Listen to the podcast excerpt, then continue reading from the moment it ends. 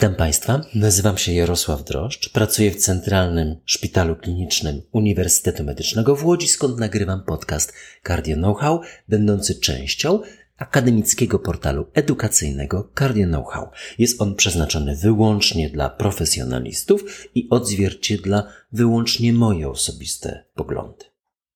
Są takie dwa bardzo często występujące stany, które traktować można jako choroby i jako czynniki ryzyka. Podwyższone stężenie cholesterolu i podwyższone ciśnienie tętnicze. Oba prowadzą do tak zwanych poważnych chorób serca i naczyń, co wcale nie wskazuje na to, że one są niepoważne. Oba można leczyć, oba należy leczyć, no ale codzienna praktyka kliniczna pozostawia wiele do życzenia.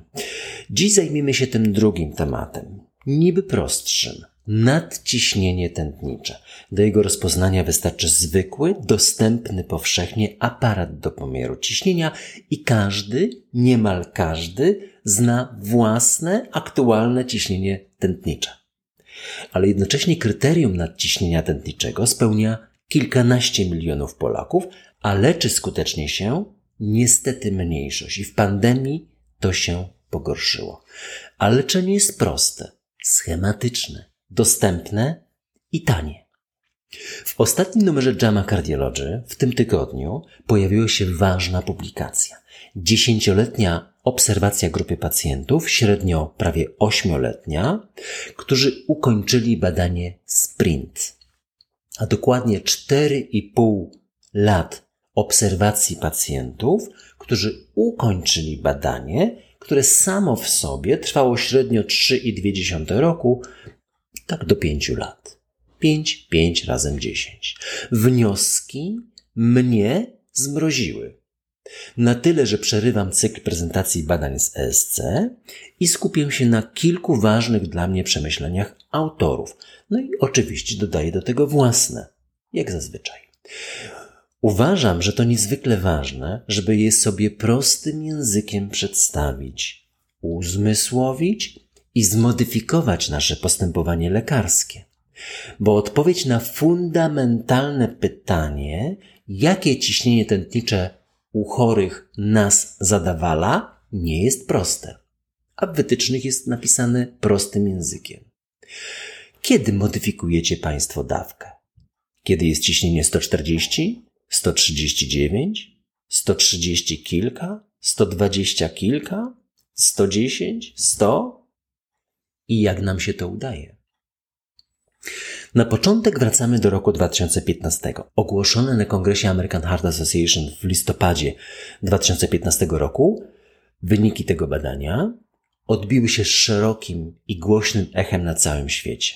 Sponsorowane było przez NHLBI z Bethesdy, Narodowy Instytut Zdrowia, czyli tą samą centralną, niezależną od sponsorów instytucję w Stanach, która sfinansowała badanie Stitch, Ischemia, OAT i wiele innych ważnych badań współczesnej kardiologii no całej medycyny.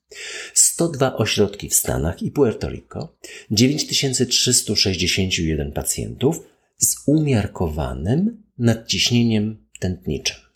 Ciśnienie powyżej 130, skurczowe oraz podwyższone ryzyko naczyniowe, no ale bez cukrzycy.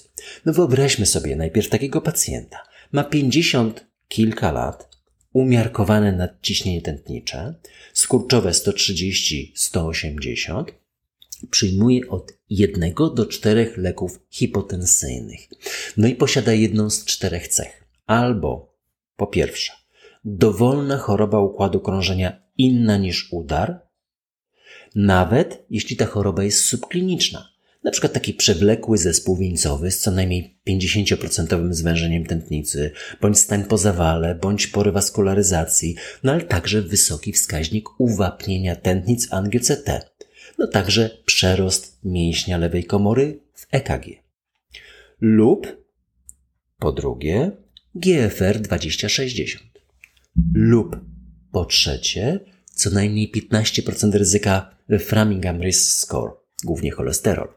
Lub czwarta kwestia. Po prostu wiek powyżej 75 lat, który sam w sobie stanowi czynnik ryzyka. Jedna dowolna cecha. Wykluczono jednak cukrzycę i udar. Dla nas, kardiologów, to 80% naszych pacjentów widzianych w oddziałach kardiologicznych i 70% w poradniach. No tak przynajmniej to wygląda z moich szacunków. Pacjentów zrandomizowano do dwóch grup. Jedna z docelowym ciśnieniem skurczowym poniżej 130, a w drugiej podgrupie o 10 niżej, poniżej 120. Stosowano bardzo konkretny algorytm leczenia, ale dowolne, wybrane przez klinicystów leki. Pozostawiono tu wprawdzie dowolność, no ale zachęcano do klasycznych, rekomendowanych leków. Inhibitorów konwertazy, sartanów, tiazydów, antagonistów wapnia. Zajrzałem do algorytmu. Jest w suplemencie tego artykułu z 2015 roku na stronie Name. Masz ciśnienie powyżej 120, ale poniżej 130, na przykład takie 124 mm supertenci. Dodajesz nowy lek. Nie kombinuj. Dodajesz nowy lek, którego dotychczas pacjent nie przyjmował i umów się z pacjentem za miesiąc, aż do osiągnięcia wartości poniżej 120 mm supertenci. Nie słuchaj obiecanek pacjenta. Tak oczywiście w algorytmie nie jest, ale algorytm jest prosty. Nie słuchaj obiecanek pacjenta, że ciśnienie z pewnością obniży sobie sam. Dodaj lek. Prosty, sztywny, zimny algorytm. To dla tej podgrupy z niższym ciśnieniem. A masz ciśnienie 120, ale poniżej 130, na przykład takie 124? Utrzymuj farmakoterapię to zalecenie dla tej podgrupy z wyższym ciśnieniem. Jak dla przedszkolaków, ale zadziałało. Najlepiej o tym świadczy fakt, że średnia wartość ciśnienia tętniczego tej pierwszej podgrupy wynosiła 121 mm supartenci, a tej drugiej była aż, aż o 15 mm supartenci wyższa 136. No i tak przez 3 lata. Ponad 3 lata. Niezmiennie gdyż działał bezduszny algorytm. I różnica tylko jednej tabletki między obiema grupami. Sporo krytyki przelano na wykładach, ale i na piśmie. Mnie natomiast wyniki badania Sprint przekonały, gdyż mówią same za siebie. Przez rok nie działo się nic. No, poza różnicą ciśnienia 15 mm supertenci. W drugim roku zaczęło się. Początkowo różnica w powikłaniach ocenianych łącznie. Zawał, udar, niewydolność serca lub zgon. I ta różnica osiągnęła 25% redukcji ryzyka po okresie obserwacji do 5 lat, średnio 3,2. No ale druga grafika była jeszcze bardziej przekonująca.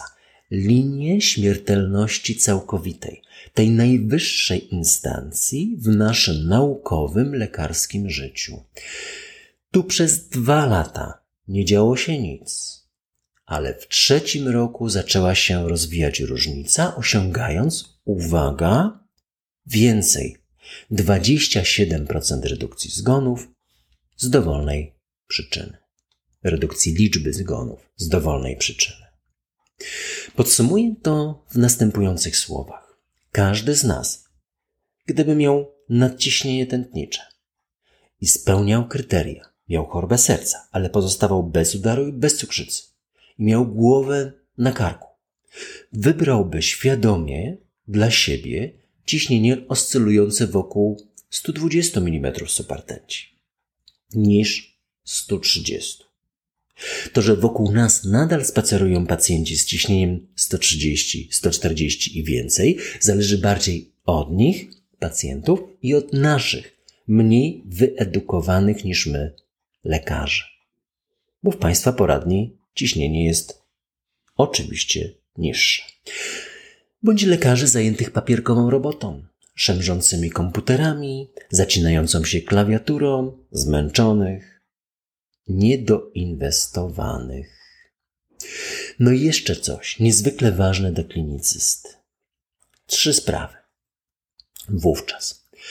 po pierwsze, udaje się osiągnąć ciśnienie średnie 121 w badanej populacji.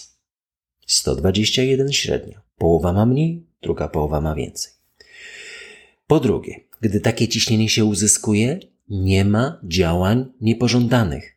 Koszty kliniczne są niewielkie. Nieco więcej omdleń, nieco niższe stężenie jodów sodu i niższe potasu. co wskazuje na braki antagonistach aldosteronu, a nadmierne podawanie diuretyków diazydowych. No i to pewnie tych gorszych. I trzecie, net benefit jest absolutnie jednoznaczny. Narastająca z każdym rokiem obserwacji. Przewaga w długości ludzkiego życia. Krzywe rozchodzą się coraz bardziej z każdym rokiem leczenia ze średnią wartością ciśnienia 121, a nie 136. Jednym słowem, wyniki powalają z nóg. Link jest w transkrypcie na Cardio Know-how. Jeszcze jedna kwestia z badania Sprint. Ona budziła najwięcej emocji i krytyki. Jak mierzono ciśnienie? No, osobne pomieszczenie. Macie Państwo takie? Pięciominutowy odpoczynek. Pięć długich minut. 300 sekund. Trzy pomiary. Automatyczne pomiary. Nieco sztuczne warunki, ale dla mnie znakomicie odzwierciedlające pomiary domowe. Mam nadzieję, że hypertensjolodzy się ze mną zgodzą. Jeśli ktoś z Państwa chciałby się zapoznać, to opublikowano osobny artykuł na ten temat. Hypertension. Link w transkrypcie. Minęło 7 lat. Jak Państwo myślicie, co się dalej stało? No oczywiście badanie zakończono. Skończyło się finansowanie, pacjenci wrócili do swoich poradni. Nierzadko do tego samego lekarza. W pewnej liczbie pacjenci pozostali u tych samych lekarzy, a inni trafili do swojego POZ-u. 10% takiego POZ-u na przykład nie miało, ale skądś te recepty mieli przepisywane. Każdy z nich miał ustalone już leczenie. Co najmniej od dwóch, trzech, czasami od pięciu lat. Ostatnio już niezmienne. Połowa z nich idealne ciśnienie 121, druga połowa 136. Wszyscy na to ciśnienie reagowali dobrze i na leki, i tolerowali te wartości. Zdarzenia niepożądane w suchej liczbie łącznie były podobne. No nic, tylko utrzymać leki. Co Państwo sądzicie? Wartości ciśnień pozostały na takiej granicy 121 versus 136? Pozostały na tym poziomie? Krzywe przeżycia rozeszły się jeszcze bardziej w kolejnej pięciolatce? Może przebiegały już dalej równolegle? No przecież jest inercja lekarska. Sam jej także podlegam. Nie zmieniam terapii, jak działa dobrze. Głosujcie Państwo na dalszy przebieg krzywych. Kto jak myśli? Artykuł w dżamie odziera nas ze złudzeń. W podgrupie o wyższym ciśnieniu, średnio 136, to ciśnienie nadal pozostaje w tym zakresie. Zbliża się do średnio 140. W tej szczęśliwszej od poprzedniej, w czasie badania, podgrupie z ciśnieniem 121, no niestety rośnie. I nakłada się po 3-4 latach z ciśnieniem gorszym. Osiąga średnio niemal 140. Czyli 10 lat od randomizacji, to ciśnienie 5 lat utrzymywało się na dobrym poziomie, 120 parę, a potem wzrasta o co najmniej 15 mm supertęci. Nie ma żadnej po 10 latach różnicy ciśnień pomiędzy obiema grupami, które trafiły do klasycznej opieki ambulatoryjnej w Stanach Zjednoczonych już z ustalonym leczeniem i z ustalonymi czynnikami ryzyka. No i co? Krzywe przeżycia kontynuują podróż, zbliżając się do siebie, a ostatecznie nakładając się na siebie. Nic, żadnych długofalowych korzyści. Bardzo podobna śmiertelność. Nic z wyników badania SPRINT nie przedostało się do praktyki klinicznej. I to nie na świecie, ale w tej badanej podgrupie. Wróciliśmy do punktu wyjścia. Wydaliśmy pieniądze z płatnika i nic. Jeszcze jeden artykuł przeanalizowałem. W 2016 roku ukazała się w NAME ostateczna analiza danych uzupełnionych o okres tuż po aktywnej fazie leczenia. Link jest w transkrypcie. Wynika z niego, że powyższy efekt ustąpienia korzyści zaczął się bardzo wcześnie. Otóż tuż po zrównaniu form leczenia obu leków mamy nadwyżkę, nadwyżkę niewydolności serca w grupie leczonej intensywnie, hipotensyjnie. Ciśnienie wzrasta, pojawiają się opóźnione przypadki, opóźniona fala niewydolności serca. No później, a to wiemy już z dzisiejszej publikacji w Jamie, pojawia się ta fala zgonów, wyrównująca niestety szanse obu ramion badania. Czytaj, eliminując ochronny efekt niskich wartości ciśnienia. Efekt ratujący życie. Link jest w transkrypcie. No i wnioski sprint po 10 latach. Ile ich będzie? Żartowałem, ale 10 to prawda. Po pierwsze, daje się bezpiecznie obniżyć ciśnienie tętnicze do wartości średniej 121. Po drugie, przekłada się to na wymierne korzyści kliniczne z obniżeniem całkowitej śmiertelności o ponad 1 czwartą. Po trzecie, wszystko to dzieje się wyłącznie w ramach projektu naukowego, gdy zostają zamknięte, finansowanie odstawione. Ciśnienie wraca do wartości wyjściowych, mimo że już leczyliśmy dobrze i skutecznie przez kilka lat i teraz też tak powinniśmy leczyć. Po czwarte, gdy wartość ciśnienia wraca do 140, wszystkie korzyści kliniczne wartości niższych ciśnienia zanikają. Pacjenci umierają tak, jak cała reszta. Po piąte, lekarz pozbawiony warunków badania klinicznego wraca do swoich uprzednich przyzwyczajeń. Po szóste, nawet jeśli posiadł umiejętność większego, intensywniejszego obniżania ciśnienia tętniczego krwi. Po siódme, nawet gdy zobaczył na własne oczy, że jest to bezpieczne. Po ósme, nawet gdy przekonał się, że tak świetnie działał zimny algorytm postępowania.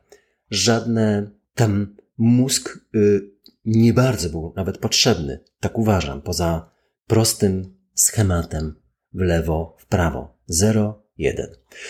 Po dziewiąte, nawet gdy przeczytał wyniki badania klinicznego z niższą o jedną czwartą śmiertelnością całkowitą. I po dziesiąte, nawet gdy aktualne wytyczne po obu stronach oceanu przejęły narrację opartą o wyniki badania Sprint. A wiecie Państwo, że gdy tylko znajduję na to czas, ustalam ciśnienie na 120 kilka? Uspokajam, gdy to ciśnienie jest tak zwane słabe, zbyt niskie.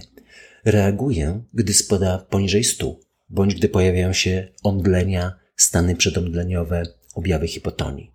Odstawiam lub zmniejszam leki hipotensyjne wtedy.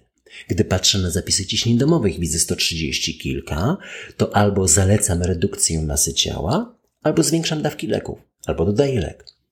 Często daję to do wyboru pacjentowi. Chciałby pan, pani dodatkową tabletkę? Czy uda się w końcu zrzucić dwa kilo? Postępujecie tak samo? Czy ignorujecie ważne wyniki wielośrodkowych badań klinicznych, tak jak lekarze ze 102 ośrodków amerykańskich, prowadzących niemal 10 tysięcy hipertoników w Stanach? W ubiegłotygodniowej lekturze Puzjon Olgi Tokarczuk bohaterowie żyją tak jak my w październiku piękne opisy przychodzącej jesieni. No ale w roku 1913 na Dolnym Śląsku. Pijąc dziwną nalewkę z dziwnymi efektami. Efekty jej działania kojarzą mi się jednoznacznie źle, stąd link do wcześniej czytanej powieści Szczepana Twardocha Morfina. Autor otrzymał paszport polityki w roku 2012, a sama powieść jest także z 2012 roku i ukazuje się w wydawnictwie literackim. Powieść edukuje, czego nie próbować, czego unikać. No i jak się cieszyć z braku działań wojennych na terenie naszego kraju. Kiedy ją czytałem, myślałem sobie, od taka historia sprzed lat. Dziś otacza nas inny, wojenny świat. Jeśli Państwo będziecie mieli jakieś komentarze, uwagi, pytania, to kierujcie na media społecznościowe, Cardinal How. Będę też Państwu bardzo wdzięczny za promocję podcastów wśród lekarzy oraz komentarz choćby jednym słowem i oceną. Sława Ukrainie!